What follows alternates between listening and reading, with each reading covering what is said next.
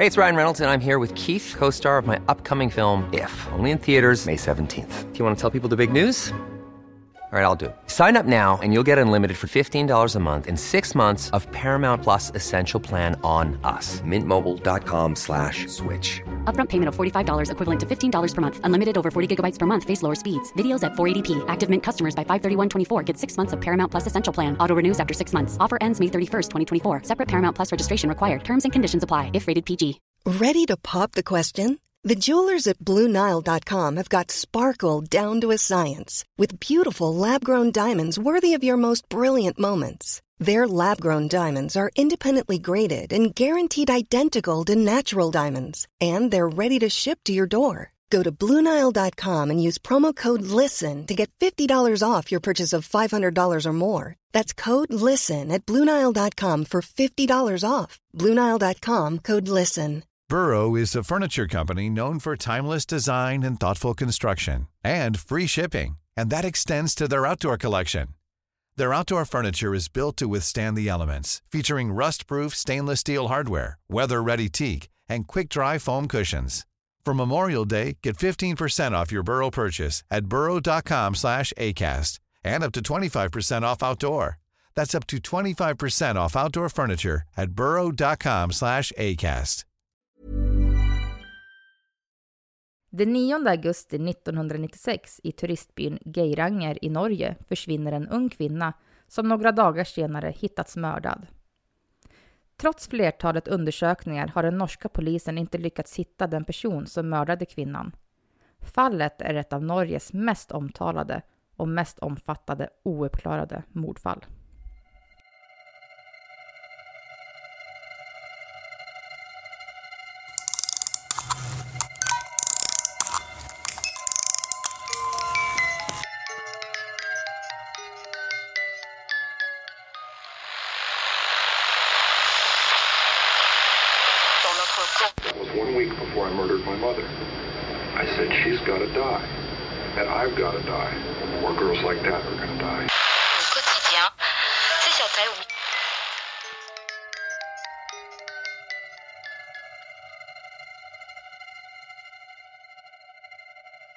Hej och välkomna till ännu ett avsnitt av Rysarstunden med mig, Linda. Och med mig Alex. Ja, idag ska vi då som sagt tala om ett av Norges mest omtalade och mest omfattande ouppklarade mordfall. Mordet på Trude Espås. Mm. Och Geiranger är en av Norges mest idylliska och populära turistorter. Den ligger nerbäddad i slutet av den mäktiga Geirangerfjorden som är omgiven av majestätiska berg och eh, det lilla samhället är omgiven av skönhet. Hit kommer det turister från hela världen och det här lockar också till sig norska ungdomar som reser hit för att sommarjobba. Byn lever verkligen upp till sommaren. Men under 90-talet var den populära turistorten känd för någonting annat. Efter en sökning som hade pågått i 11 dagar så hittades Trude Espås livlösa kropp i närheten av samhället. Fallet fick nationella rubriker och en enorm polisundersökning sattes igång. Den 31 juli 1996 kommer 20-åriga Trude Espås till byn. Hon har fått jobb som hotellstäderska. Hon gav ett gott intryck hos hotellchefen och hon var pigg på att lära sig nya saker. I programmet Norska krimsaker berättar hotellchefen att han hade åkt hiss med Trude vid ett par tillfällen och att han då hade frågat hur det gick för henne och om hon trivdes. Han hade inte fått ögonkontakt med henne och han upplevde henne som att hon liksom vände sig bort lite. Hon hade också ett försiktigt handslag första gången de skakade hand. Torsdag den 8 augusti, då är Trude ledig och lämnar hotellet. Dagen efter, alltså den 9 augusti, då dyker hon inte upp på jobbet då hon skulle ha börjat. Hushållerskan på hotellet går då till personalbostaden och knackar på, men det är ingen som öppnar. Och den här hushållerskan, hon är ansvarig för att de här ungdomarna som är där och jobbar, alltså hon är ansvarig för dem, så hon blir lite orolig då ingen öppnar. Mm, ja, men det kan man väl tänka sig. Ja, precis. Så hon bestämmer sig därför att ja, men låsa upp dörren till Trudes rum. och Trude är ju då inte där. Hushållerskan ja, men blir såklart väldigt rädd och orolig. Mm. Så på förmiddagen den 9 augusti 1996 anmäls Trude Espås saknad. Och hon hade då bara befunnit sig i Geiranger i en vecka. Polisen började direkt en sökinsats. Geiranger finkammades med hjälp av både helikoptrar och ett stort räddningsmanskap. Man söker även igenom de stora naturområdena runt omkring i byn i hopp om att hitta Trude. Det ska tydligen inte vara helt ovanligt att folk går vilse och i vissa fall dör i olyckor i vildmarken runt omkring Geiranger. Polisen gick relativt snabbt ut i media så att folk skulle kunna höra av sig om eventuella observationer. De fick in flera tips på områden som de också sökte igenom. Polisen knackade också dörr i hopp om att få in någon ledtråd som skulle kunna leda till att de kunde börja nysta upp vart Trude kunde ha tagit vägen. Ja, och när Trude försvann så hade hon på sig en röd t-shirt, mjukisbyxor och vita skor. Två dagar efter att hon försvunnit så hittades hennes väska och en bok på en klippa några hundra meter utanför centrum. Och det här fyndet, det blir ju viktigt för polisen. Mm. Och polisen ansåg det också som ganska osannolikt att hon skulle ha gått särskilt långt utan sin väska. Och de insåg ju då att det kunde röra sig om en mer allvarlig situation. Och då kontaktades också kriminalpolisen. Det känns som att det är väldigt snabba beslut. Ja, det går fort. Ja, Alltså, ja. och, och det är ju bra. Ja. Men det, och jag tänker hon hade en röd t-shirt. Mm. Det är ganska synlig. Ja. Alltså det är en brun t-shirt i- ute i vildmarken kanske inte är lika synlig. Nej men precis. Så jag tycker någon borde kanske ha sett henne någonstans. Ja.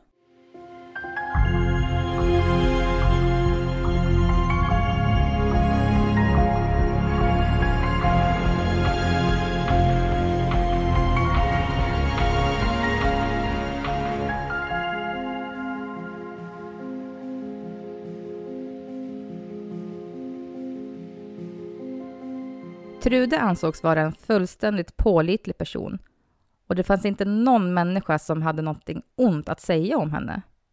Och det bidrog ju till att kriminalpolisen tidigt blev väldigt oroliga över att hon kunde ha blivit utsatt för ett brott. Mm. Ja men det köper man ju. Mm. Att, ja. Precis. Men den där stenen eller klippan då, där väskan och boken hade hittats, Mm. den låg alltså nära vägen. Och kriminalpolisen kunde se att hon hade varit där för att sen helt plötsligt försvinna. Och det stärkte ju också intrycket att hon inte bara hade gått iväg på en promenad eller något. Någonting måste ju ha hänt med henne. Ja, alltså man försvinner ju inte bara poff. Nej, exakt. Men polisen började också att kartlägga Trudes rörelsemönster under dagen. Alltså samma dag som hon försvann. Mm. Hon gick från hotellet ungefär 20 över två och eh, ungefär fem i tre var hon i mataffären. Polisen hittade ett kvitto som visade att hon hade köpt lite småsaker. Sen hade hon eh, gått ut i klippan. Första observationen av henne på klippan var ungefär tre minuter över tre. Och därefter har flera personer sett henne fram till ungefär kvart över fem. Mm. Ett vittne som såg Trude och som också såg en eventuell gärningsman hörde faktiskt av sig till polisen. Ja, just det. Och det här vittnet, hon hade då kommit gående från Geiranger hotell och gick förbi den här stenen. Och hon såg ju då att ja, men det satt ju en kvinna på den och läste. Mm. Vittnet gick vidare cirka 100 meter längs vägen och svängde sedan av mot vänster ner mot stranden. Hon skulle bara ner dit och sola någon timme innan hon skulle hem och äta middag. I ögonvrån så såg det här vittnet att en person närmade sig och hon upplevde det som lite obehagligt. Okej. Alltså mannen som närmade sig gick hela vägen ner till vittnet, alltså den här kvinnan som gick Mm. ner och åt middag, och frågade vad klockan var. Han frågade på ett normalt sätt, men han pratade tyska. Och klockan var då ja, men kvart över fem. Mannen tackade och gick. Vittnet följde honom med blicken ur liksom, ögonvrån Mm, mm. och hon kunde ju se att eh, han gick upp mot vägen igen och sen kunde hon inte se han något mer. Just det. Runt klockan 18 så gick det, här vittnet samma väg tillbaka. Och när hon passerade stenen igen så var det inte längre någon som satt på stenen. Då var den tom. Mhm. Mm. Ja, det är lite mystiskt om man tänker, alltså absolut hon hade kunnat gått därifrån. Det var ändå Mm. 45 minuters intervall däremellan. Ja, men exakt. Men om hon, jag tänker den här tyska mannen som kommer, Mm. om hon får ett obehagligt intryck, alltså magkänslan säger ju ändå oftast någonting. Mm. Men den är också lätt att slå bort. Ja, ja, gud ja. Absolut, man bara nej, nej men det var nog ingenting. Nej, precis. Polisen sökte igenom Trudes rum för att hitta eventuella ledtrådar, kontakter eller något som kunde föra undersökningen vidare. När de gick igenom hennes saker så hittade de Trudes dagbok och en lapp från den 2 augusti. Och på den stod det butik, tysk, kryckor. Vad kunde det betyda? Var det helt fristående ord? Hängde några av orden eller alla orden ihop på något sätt? Hade Trude varit i kontakt med en tysk som gick med kryckor? Kan det vara samma tyska person som hade frågat vittnet hur mycket klockan var? Men polisen fick inte någon information eller några tips om en tysk med kryckor. Så vad de här anteckningarna betydde, det lyckades de inte lista ut. Och letandet det fortsatte ju. Och med hjälp av miniubåtar och militären så gjordes det också omfattande sökningar i Geirangerfjorden. Röda Korset de letade längs en sträcka på 10 mil. Oj! Ja, längs vägen som leder ut ur Geiranger. Och områdena längs fjällsidorna och nära klippan där väskan hittades undersöktes ju också noggrant. Men trots de här omfattande sökinsatserna så hade de fortfarande ingenting att gå på. Och eftersom att de visste att Trude inte hade haft någon avsikt att lämna byn så försökte polisen frysa den dagen hon försvann. Polisen började då samla in information från och om alla som befunnit sig i Geiranger den här dagen. Alla människor och alla fordon. Såväl de boenden som alla de tusentals turister som besökte byn. Gästlistor från hotell och campingplatser samlades in tillsammans med data från kreditkortsköp och uttag och så vidare. Alla som hade blivit sett i samhället registrerades också hos polisen. Och det blev, som ni säkert förstår, en enorm utmaning för polisen. Ja, det kan jag tro. Det lär ju ha varit några stycken. Ja, men som sagt tusentals som turister som far till den här byn. Ja, men exakt. Ja. Det är hur många som helst. Ja, och det första problemet, det var ju att det var väldigt många turister i Geiranger och att de ja, men kunde komma och gå utan att lämna något spår efter sig överhuvudtaget. Mm. Det kunde vara så många som 5000 personer som byttes ut varje dygn. Åh herregud, det är många. Ja, exakt. Om man vill begränsa informationssamlandet till exempelvis den 8 augusti, ja då har man ju 6000 möjliga vittnen. Och polisen avgränsade ju till 7, 8 och 9 augusti, alltså tre dagar. Och alltså närmare 18 till 20 000 personer. Ja, det är ju inte direkt vittnesmål som man samlar in de närmsta fem minuterna. Nej men exakt, det är ju lite som att hitta en nål i en höstack. Eh, ja. Och värsta tänkbara scenariot, det var ju faktiskt att det skulle vara en turist från något av kryssningsfartygen som bara hade varit där just den dagen. Ja, just det, det gick ju sådana där också. Ja, exakt. Det kan inte vara lätt att samla alltså, information från kryssningsfartyg. Nej, det lär det inte vara.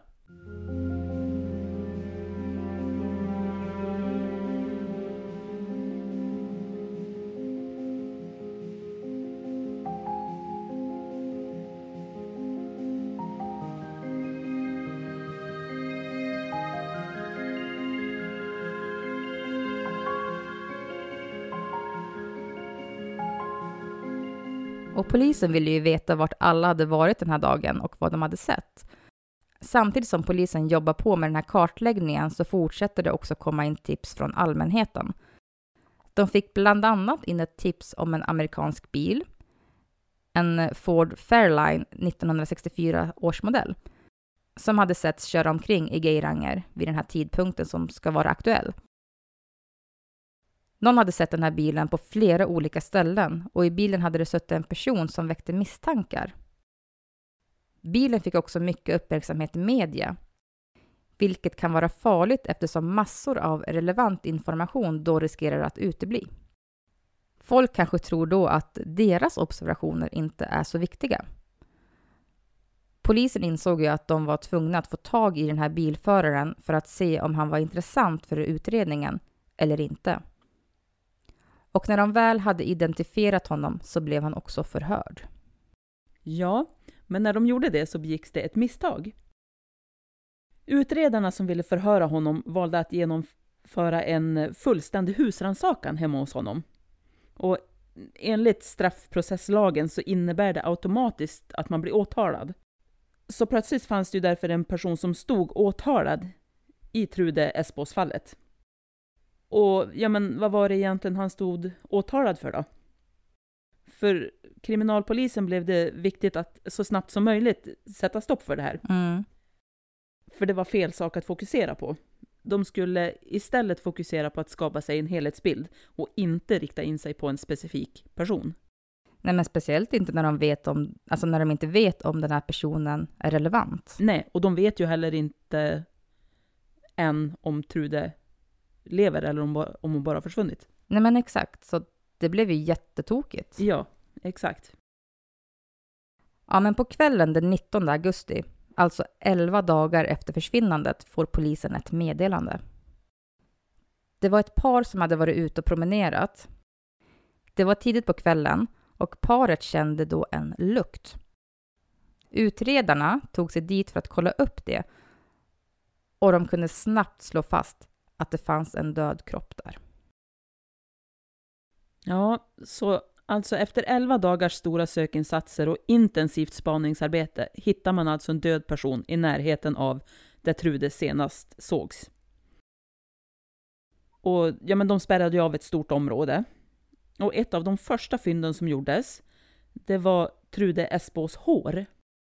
De hittade också hennes hårutsmyckningar, eh, en blomma och ett hårspänne. Även Trudes skor hittades på platsen. Ja, men man tänker lite grann, alltså hur kunde de missa det här under de, alltså under de här stora sökinsatserna som gjordes? Ja, Ja, alltså det var precis exakt. det jag tänkte här när du satt och läste det där. Att de hade väl sökt hur mycket som helst. Men inte hitta någonting, ja. Nej, Nej, exakt. Men de här fynderna i alla fall, det bekräftade ju att det var Trudes kropp de hade hittat. Och det Mm. hittades också spår som tydde på att hon hade blivit utsatt för ett brott. ja, och Trudes kropp hade ju legat utomhus i varmt väder i 11 dagar, vilket gjorde det svårt för rättsläkaren att obducera henne. Kroppen hade förändrats, alltså förmultnat så pass mycket att det inte gick att säga så mycket i fråga om dödsorsaken. Det gick inte att avgöra om hon hade några mindre skador och eh, de hittade heller inga större skador som kunde ha orsakat frakturer.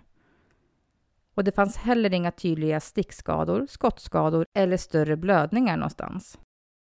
Så den mest sannolika teorin, den var väl att hon hade strypts. Men eh, det är bara en teori. De vet inte säkert hur hon dog.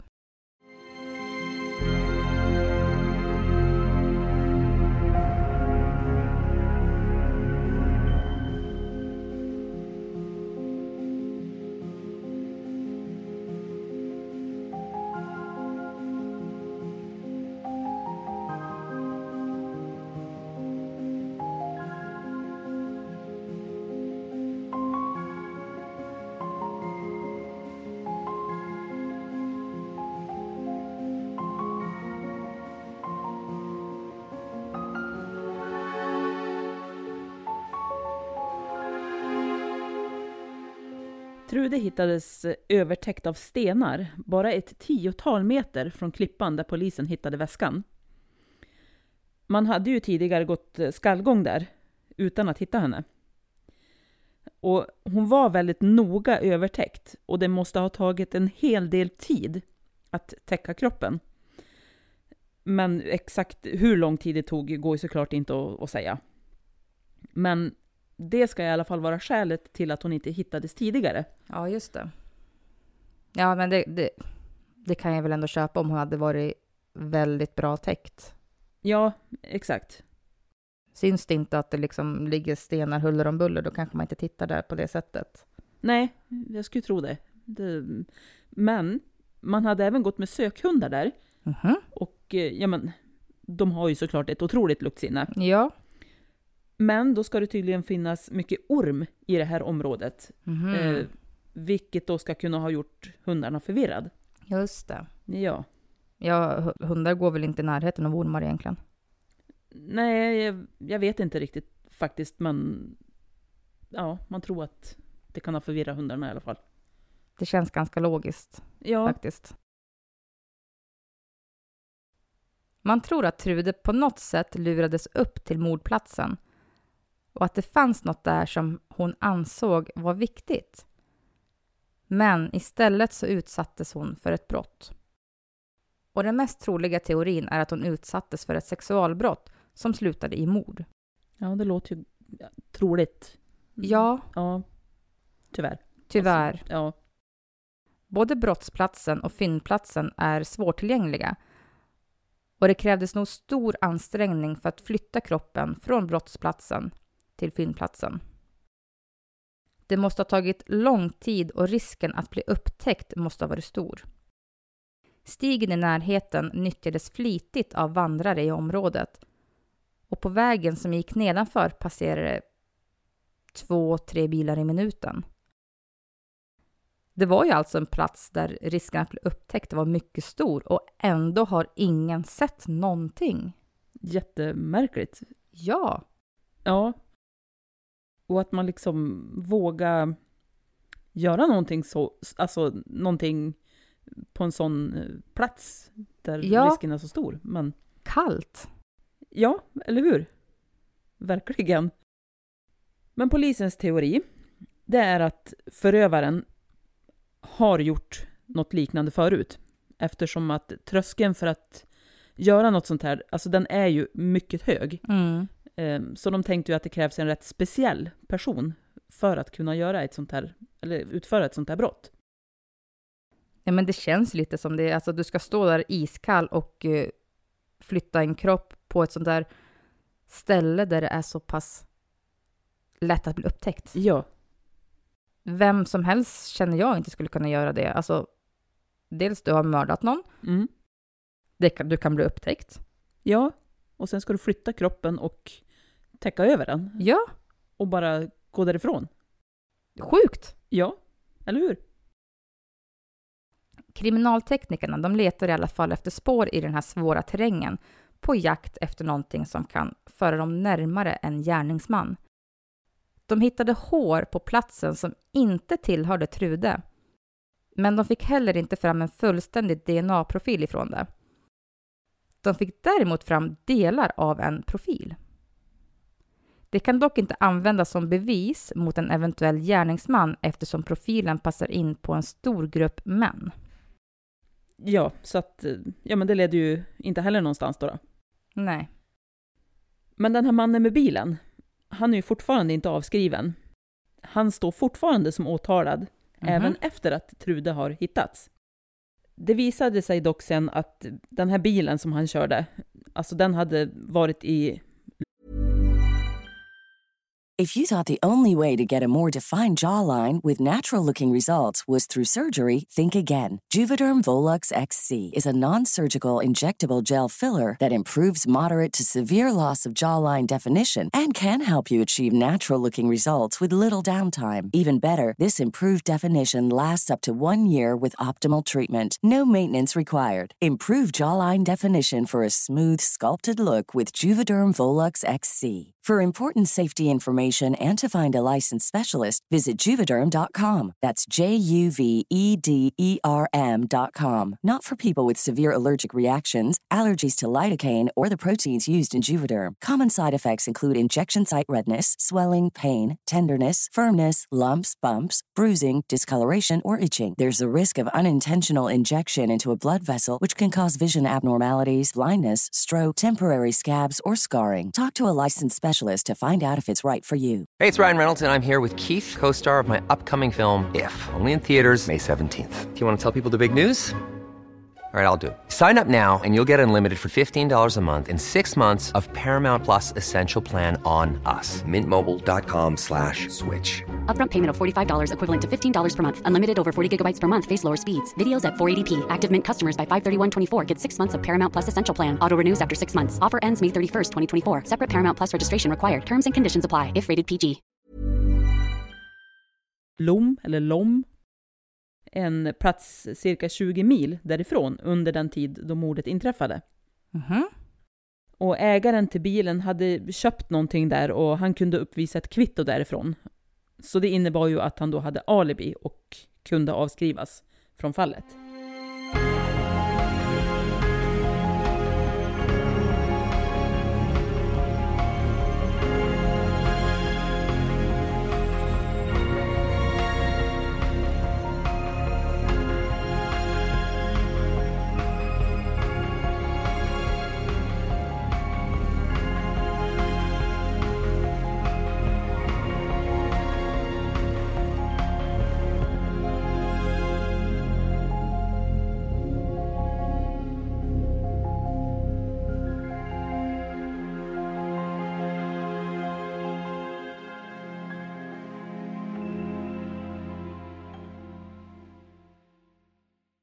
Och polisen stod fortfarande utan misstänkta. Det var svårt att få en översikt över alla de personer som befunnit sig i byn.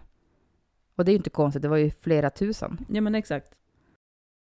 Utredarna sökte bland övernattande besökare från 29 länder, kryssningsturister, genomresande husbil och husvagnskampare utöver de här lokalinvånarna. Och såklart de som sommarjobbade i Geiranger. Trude var som sagt nyinflyttad i byn, så det fanns ingen anledning att tro att det skulle finnas någon i hennes bekantskapskrets som hade med det här att göra. Det mest sannolika var att hon helt slumpmässigt blivit utvald som offer. Hon hade ju säkert inte kanske så stor bekantskapskrets eftersom att hon var nyinflyttad då. då. Ja, men man får väl inte det efter en vecka? Nej, exakt. Och i det här arbetet med att samla in information om de som varit i Geiranger under den aktuella tidsperioden så började utredarna att samla in bevis i form av semesterbilder som var tagna av folk som hade varit där. De bad om bilder och filmer från tiden kring mordet. Alltså de bad om det via både norska och internationella medier. Ja, just det. Och turister från hela världen skickade in sina bilder till polisen. Det är Kunde ändå- kanske... Vad sa du? Det är ändå bra, alltså. De har fått bra spridning på det här. Ja, exakt. Och de tänkte ju att ja, men kanske kunde gärningsmannen bli avslöjad med hjälp av de här fotona. Ja. Sen dock väldigt stort arbete att gå igenom allting. Oh ja. Men jag är imponerad över att, från, att det får från hela världen. Mm, exakt. Polisen fick massor av bilder från folk som var tagna den 8 augusti klockan fyra, som då alltså var tagna över Geiranger. Och det krävdes ofta mycket jobb för att ta reda på om det stämde eller inte. Alltså, bara för att man får en bild som sades vara tagen då så behöver det ju inte per automatik betyda att den faktiskt var det. Nej, men såklart. Ja.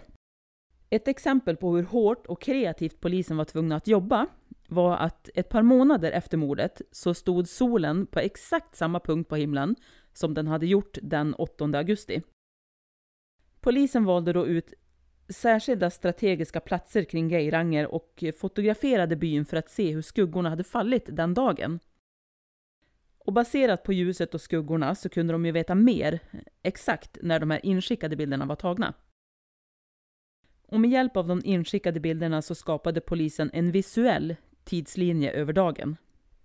Så att de tog ju alltså bilder, nya bilder och jämförde med de här Mm. inskickade för att få en, en helhetsbild liksom. Men gud vad svårt. Ja, jättesvårt. Man går Vilket efter jobb. skuggor och hur solen står och... Mm, Ja, men gud vad svårt. eller hur? Ja.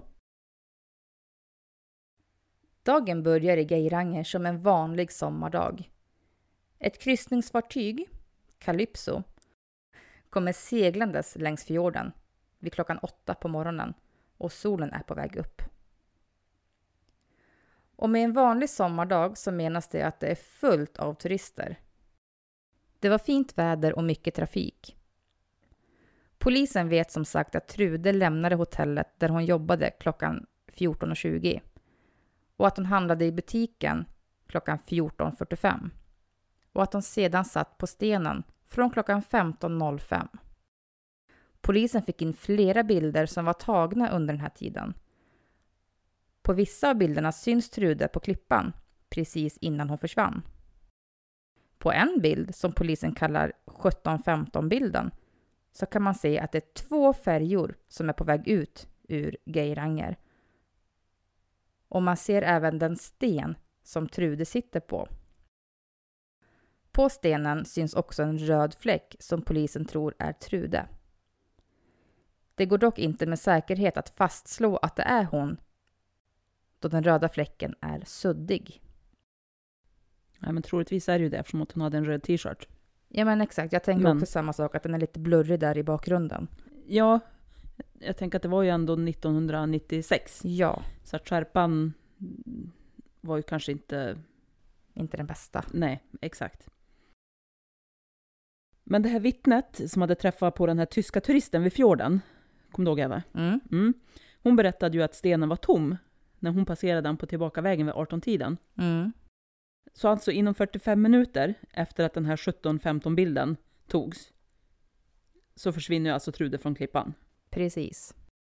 Polisen har fått in många bilder och filmer på det här området alltså under den tid som de tror att Trude mördades.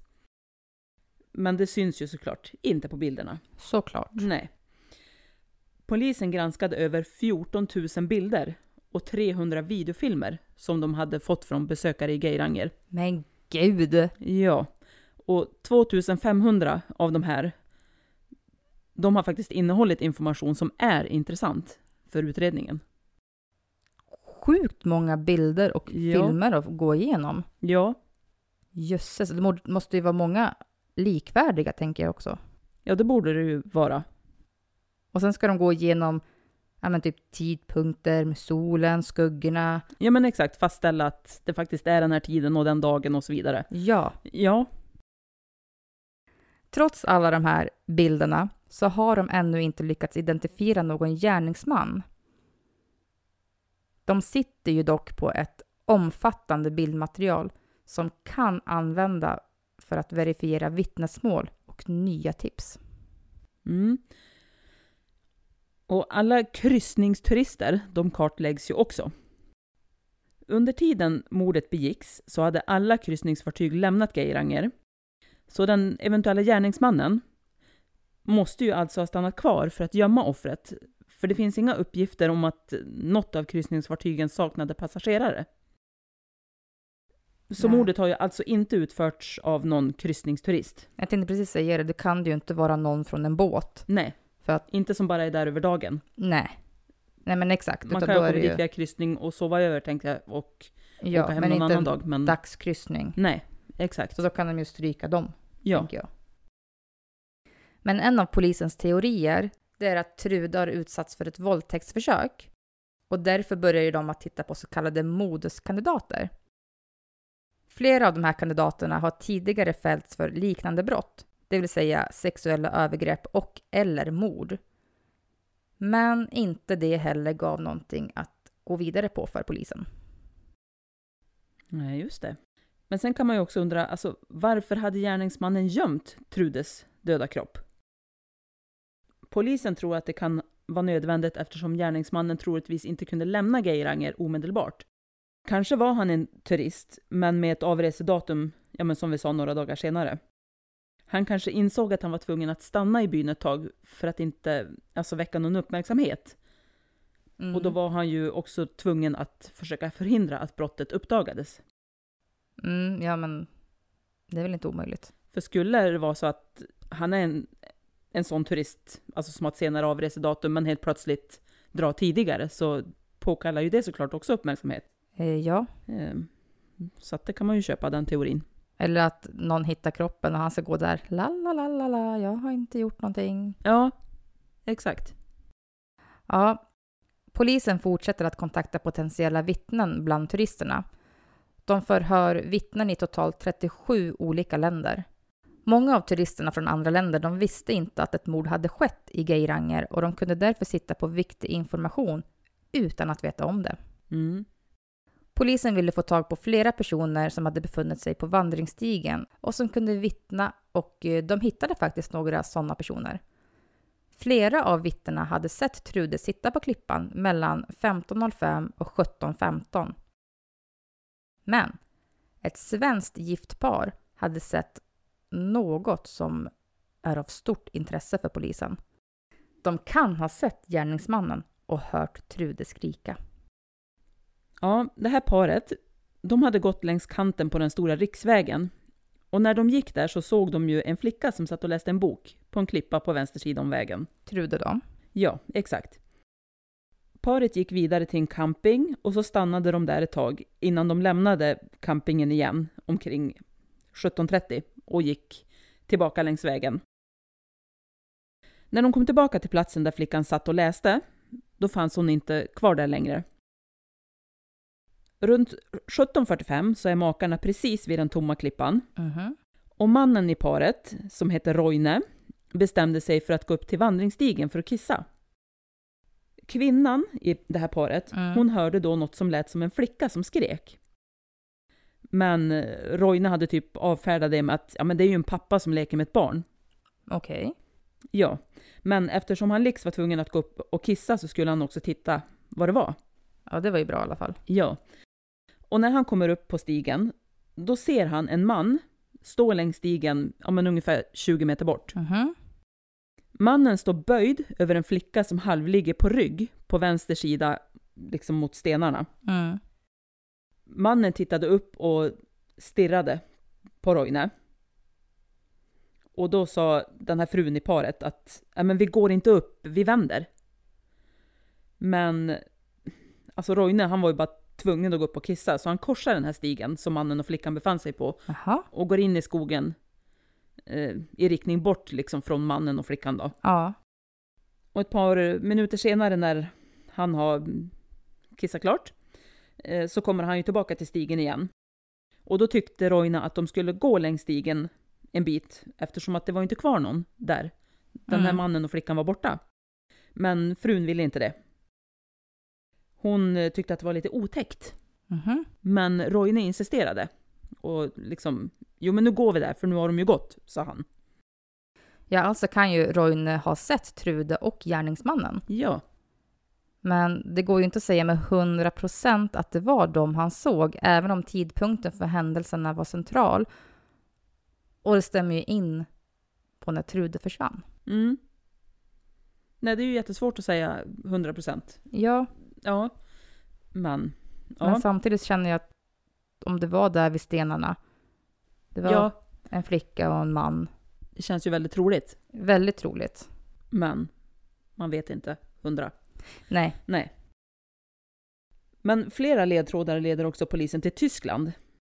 Mannen som frågade vad klockan var på tyska. Mm. Och så den här anteckningen i Trudes rum. Butik, tysk, kryckor. Just det. De var ju fortfarande stora frågetecken i utredningen.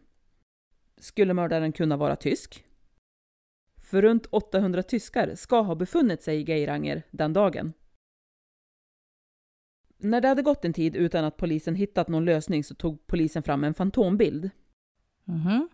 Efter ett år valde polisen att gå ut med bilden av mannen som hade frågat vad klockan var utifrån vittnets beskrivning. Då. Mm. Eh, och bilden publicerades över hela världen. Just det. Mm. Och när Roine, den svenska turisten, såg den här bilden ska han ha sagt att det liknade den man de hade sett på vandringsstigen. Men utöver det leder inte bilden till något större genombrott i det här fallet faktiskt. Ja, och 2017 så bedömde man att den tekniska utvecklingen ha- hade kommit så långt att man skulle kunna skanna in de negativ man fått in på nytt. Mm. Flera av bilderna skannades in på nytt då, med ny teknik. Eh, och då kan man ju också se fler detaljer i de här bilderna. Resultatet blev att de kunde förkorta tidsramen för när de tror att Trude lämnade klippan. Och resultatet av det här, det var ju att de kunde förkorta tidsramen rätt mycket. För när de tror att Trude lämnade klippan. Just det. Vittnen hade ju sett Trude sitta på den där klippan och polisen var säkra på att hon inte hade suttit där efter klockan 18. När de hade skannat in bilderna igen så Mm. var de mycket säkra på att hon inte satt där klockan 17.30. De kunde också med säkerhet säga att Trude satt på klippan klockan 17.15. Just det. Under de här 15 minuterna har alltså Trude försvunnit från klippan. Mm, och genom att tidsramen nu förkortas kan polisen nu utesluta många fler personer eftersom att de har alibi för klockan 18. Mm. Tidigare räckte inte det, men det gjorde det nu. 2017 ska polisen också hitta svaret på en av de stora gåtorna i utredningen. Ja, för det tyska tv-programmet Aktenzeichen XY, Ungelöst. Det är ett program som tar upp olösta fall. De sände ett avsnitt om mordet på Trude. Och bland annat då så visades alltså den här mystiska lappen för de tyska tittarna. Mm, alltså den med, där stod det tyska butik, kryckor. Ja, exakt. Och efter att programmet hade sänts så fick polisen ett foto skickat till sig som var taget den 2 augusti 1996. Okej. Fotot visade en man med kryckor Mhm. ståendes på färjan i Geiranger. Och han hade ett amputerat ben. Datumet på bilden var samma datum som Trude hade skrivit ner på anteckningen. En 16-årig flicka som jobbade i en kiosk, hon beskrev också en tysk man på kryckor som saknade ett ben. Mhm. Och den här mannen hade betett sig väldigt märkligt den här dagen. Han hade dröjt sig kvar och ja, men ställt massa märkliga, djupa frågor. Och polisen trodde ju då också att Trude hade stött på den här mannen Mm. den här dagen och haft ja, men kanske ett liknande möte med honom. Och därav också då dagboksanteckningen. Mm. Polisen kunde dock snabbt konstatera att någon med ett amputerat ben och kryckor hade inte kunnat utföra mordet eller gömma kroppen på det sätt han var gömd i den där svårtillgängliga terrängen. Nej, alltså det känns lite långsökt faktiskt. Ja, det gör ju det. Och det är nu 27 år sedan Trude Espås mördades och trots att detta är av de mest omfattande utredningarna i Norges historia så är gärningsmannen fortfarande på fri fot. Alla tips och ledtrådar som polisen har fått in har utretts så långt som det bara går. Polisen har dock inte gett upp hoppet om att hitta en lösning. Bildmaterialet är fortfarande en central del av utredningen Rättspsykiatriker säger också att personer som, be- som begår sådana här hemska handlingar plågas av dem i efterhand. De har ett behov av att anförtro sig åt någon. Förhoppningsvis blir det här behovet så stort någon gång att gärningsmannen kanske en dag avslöjar sig. Ja, det kan man ju hoppas. Mm, verkligen. Det är lite skrämmande att alltså någonstans där ute så går det alltså en person, om han fortfarande lever, Mm. alltså runt, men, med vetskapen att han var i Geiranger den dagen och att han mördade 20-åriga Trude Espås. Mm. Ja, men det, det är skitläskigt. Ja, någonstans går det alltså runt en mördare.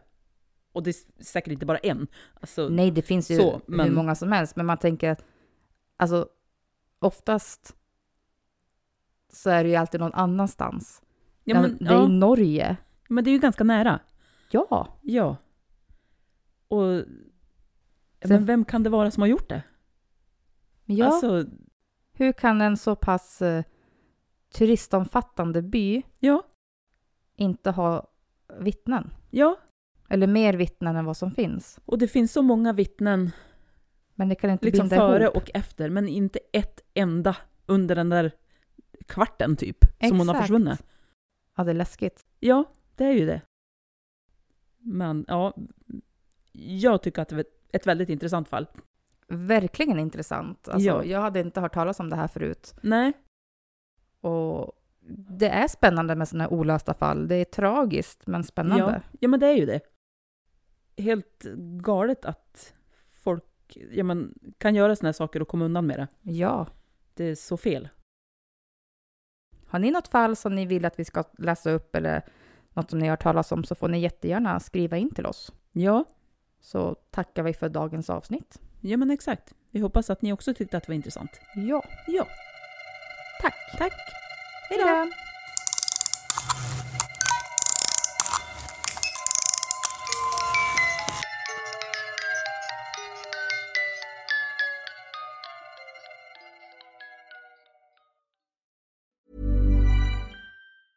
Planning for your next trip? Elevate your travel style with Quince. Quince has all the jet setting essentials you'll want for your next getaway, like European linen, premium luggage options, buttery soft Italian leather bags, and so much more. And is all priced at 50 to 80% less than similar brands. Plus, Quince only works with factories that use safe and ethical manufacturing practices. Pack your bags with high-quality essentials you'll be wearing for vacations to come with Quince. Go to quince.com slash pack for free shipping and 365-day returns. Even when we're on a budget, we still deserve nice things. Quince is a place to scoop up stunning high-end goods for 50 to 80% less than similar brands. They have buttery soft cashmere sweaters starting at $50, luxurious Italian leather bags, and so much more. Plus, Quince only works with factories that use safe, ethical, and responsible manufacturing. Get the high-end goods you'll love without the high price tag with Quince. Go to quince.com/style for free shipping and 365-day returns.